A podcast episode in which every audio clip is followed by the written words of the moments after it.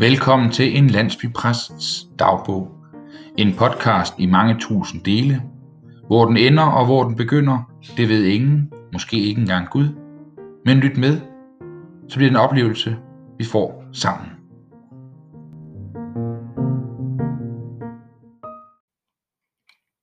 God morgen, og velkommen her til afsnit 3. Jeg har sådan overvejet det her med, når man skriver dagbog, det er der mange, der gør om aftenen. Så får man ligesom skrevet alt det ned, man har oplevet i løbet af dagen. Alle de forskellige indtryk, alle de forskellige oplevelser. Dem, man har talt med, kan man få skrevet lidt om, både på det gode og på det onde. Og det er måske også meget godt. Jeg derimod kan godt mærke, at når jeg når omkring aften øh, og er klar til at gå i seng, så er det ikke der, jeg skal i gang med en dagbog hverken at optage eller skrive ned. Så derfor så tror jeg, at det her det bliver et morgenprojekt, som noget af det første nede på kontoret. Jeg sidder igen i mit kontor. Det kan godt være, at det vil blive det primære, og måske nogen, der sidder og tænker, hold nu op, hvor bliver der brugt meget tid på det kontor. Men en stor del af arbejdet ligger her. Øh, det har jeg været inde på før, både i sådan det praktiske og det sådan, hvad kan man sige, planlægningsmæssige. Men for eksempel i går, jo, godt nok gik der mange timer på kontoret, og jeg har fået mit internet igen, så nu kan jeg også bruge min embedscomputer. Øh, så var der alligevel for eksempel fra over middag udelukkende praktiske opgaver uden for huset. Så, så det er en god blanding af opgaver, øh, både i at sidde og klargøre alt det, der nu kommer, overveje indhold til, til de kirkeblade, vi sender ud. Vi sender det ud som en del af lokalbladene.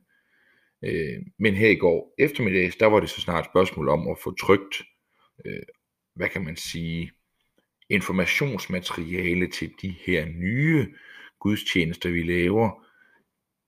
Med de restriktioner, vi har fået nu, så har vi været nødt til at lave en del ting om. Og, og, og alt det indmente mente, det gør, at, at vi er nødt til at, at, at forberede nogle andre ting. Jeg ved ikke, om I kunne høre min telefon i baggrunden, den, den, den bipper. Jeg tror i øvrigt, det kunne være en af mine kollegaer, som skriver, at øh, vedkommende er på. Vi har lavet en ny gudstjenesteplan, og, øh, og det gør også, at vi har lagt nogle flere gudstjenester ind. Jeg har sådan en idé om, at øh, løsningen på rigtig mange ting, det er flere gudstjenester. Så er der bare flere muligheder, og, jo, og flere gudstjenester signalerer også et ønske om aktivitet, et ønske om at ses, et ønske om at gøre noget. Så derfor laver vi bare nogle flere gudstjenester. Og hvis man kun må samles maks 12 op i kirken, jamen så kan vi jo samles 12 fire gange i løbet af ugen i stedet for. Det er nok urealistisk, at, øh, at det lykkes på den måde. Men ikke desto mindre, så har jeg en stærk plan om at prøve. Det er på en eller anden måde øh, vigtigt for mig, at vi at vi skaber den mulighed at kunne komme i kirke, at kunne være en del af trosfællesskabet. Da jeg selv gik til konfirmationsundervisning, så skulle vi jo også i kirke. Øh, og det var de der 10 gange, inden vi skulle konfirmeres. Og øh, det var tydeligt at mærke, for dem jeg gik til konfirmationsforberedelse med, at det der med at komme i kirke, det var godt nok lidt af en prøvelse. Ej, hvor var det træls. Og man skulle tidligt op om søndagen og afsted og sidde der. Og det gav jo ikke mening noget af det, der foregik, og så kunne man tage hjem igen og få hvad? Altså bare for at blive konfirmeret. Men sådan havde jeg det virkelig ikke. Det at komme i kirke gav lige pludselig enormt meget mening. Og sidde der på kirkebænken. Lytte til præstens ord. Lytte til ordene fra evangeliet. Lytte til salmerne. Selv synge med på dem fornemme hele stemningen, og jeg indrømmer gerne, altså det er ikke nogen hemmelighed, at jeg havde bestemt også dage, hvor jeg sad og havde svært ved at holde øjnene åbne, fordi nogle gange så kommer man også så langt ned i gear, at man simpelthen bare bliver træt, og kroppen begynder at slappe af. Og det kan altså noget. Det kan simpelthen noget. Og det var enormt givende at være med til de gudstjenester. Det var enormt givende også at lære de andre mennesker at kende. Vi var ikke ret mange i kirke, øh, siger jeg nu. Vi var alligevel en 8, 10, 12, 13 stykker. Øh, så kan man sidde og diskutere, er det mange? Det virker ikke som mange. Men menigheden var ikke ret stor. Der boede ikke ret mange mennesker. Og, øh, og kirkerummet var heller ikke ret stort, så vi fyldte egentlig meget pænt. Og det der med at føle, at man var en del af en gruppe, som mødtes på et bestemt tidspunkt i løbet af ugen, det kunne altså noget. Jeg blev så også øh, inkluderet meget hurtigt af de ældre mennesker, der var med. Det må man igen sige, jeg var den absolut yngste. Det vil konfirmander sikkert altid være. Men der var langt op til den næst yngste, som jeg vil tro har været omkring 60. Altså på den måde var det også et, et fællesskab med en meget høj gennemsnitsalder.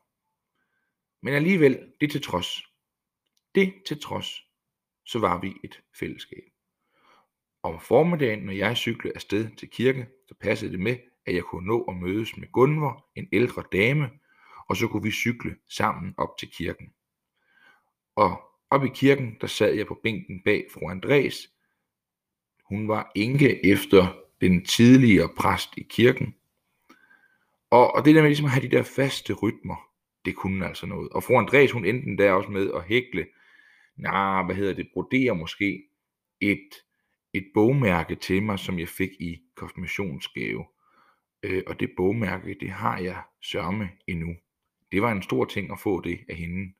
Hun er desværre død i dag, men, men hun var også med til at gøre, at jeg blev en del af den menighed. Da jeg flyttede til Aarhus, så havde jeg det stadigvæk som en plan at ville i kirke. Vi flyttede ind i Gellerup-parken af alle steder. Mig og en god ven. Vi manglede begge to steder at bo, og vi kendte hinanden fra arbejde i Ribe, og tænkte, Nå, ved du hvad, det er da nemmere, vi finder da bare en lejlighed sammen. Og det gjorde vi. Og så havde jeg det sådan lidt, det er fint, og der skal sikkert også nok være et godt fællesskab på universitetet, men i første omgang her, så vil jeg prøve at se i kirken. Så jeg tog til gudstjeneste i Gellerup Kirke, og hvilken kirke. Altså det var, for det første er det nok, og jeg håber ikke, jeg fornærmer nogen, og det gør jeg sikkert, det er nok verdens grimmeste kirke. Ej, ikke den grimmeste, den, men så måske den næst grimmeste. Den er ikke ret køn. Men kirkerummet, det kan noget særligt. Det er enormt hyggeligt, og enormt indbydende også, og meget varmt. Og det at være en del af den menighed, det var en interessant og spændende oplevelse. Til den allerførste gudstjeneste sidder jeg der med i øvrigt en ny veninde, jeg lige havde lært at kende fra universitetet. Hun boede også ude i Parken.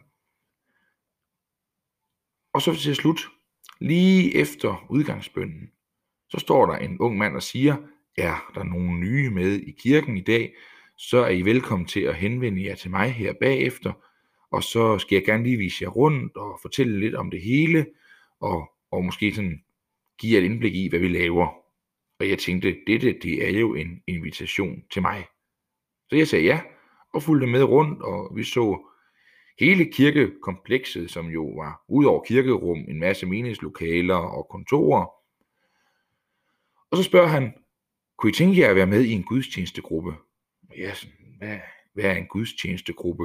Og det var så en gruppe af lægefolk, som sad sammen med præsten og planlagde gudstjenesten, som løftede en række praktiske opgaver i kirkerummet, var med til at skrive kirkebønder, var med til at reflektere over prædikenen, og det var spændende.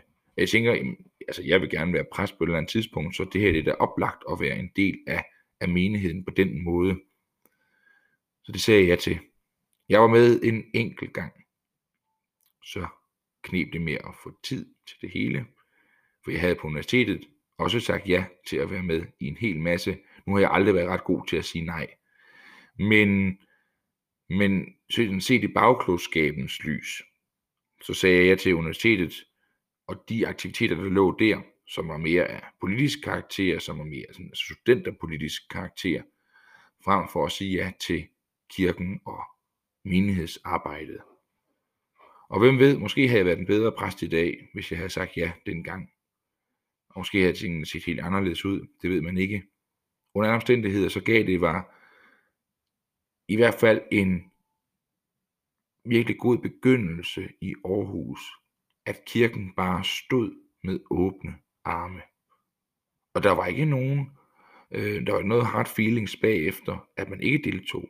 Jeg kom sådan igen, jeg kom løbende i kirke der, selvom jeg ikke var med i gudstjenestegruppe, og, øh, og, og deltog, og de havde frygtelig mange spændende arrangementer og gudstjenester. Og efter jeg flyttede fra Gellerup-parken, så kom jeg i en ny kirke. Men det der med at mærke, du er bare velkommen. Uanset hvor du kommer fra, uanset hvem du er. Og det tænker jeg også her. Det at være præst på landet, og være landsbypræst, det bliver også en opgave at åbne kirkerummet for alle dem, der måtte have lyst. Også for alle dem, som, som ikke har kirken som en del af deres hverdag, men som måske har brug for et sted, hvor der er plads til at sidde og reflektere og meditere, var at tænke over tilværelsen som sådan. Det var det for denne her gang. Lyt med næste gang, når I får endnu et afsnit i en landsbypræsts dagbog.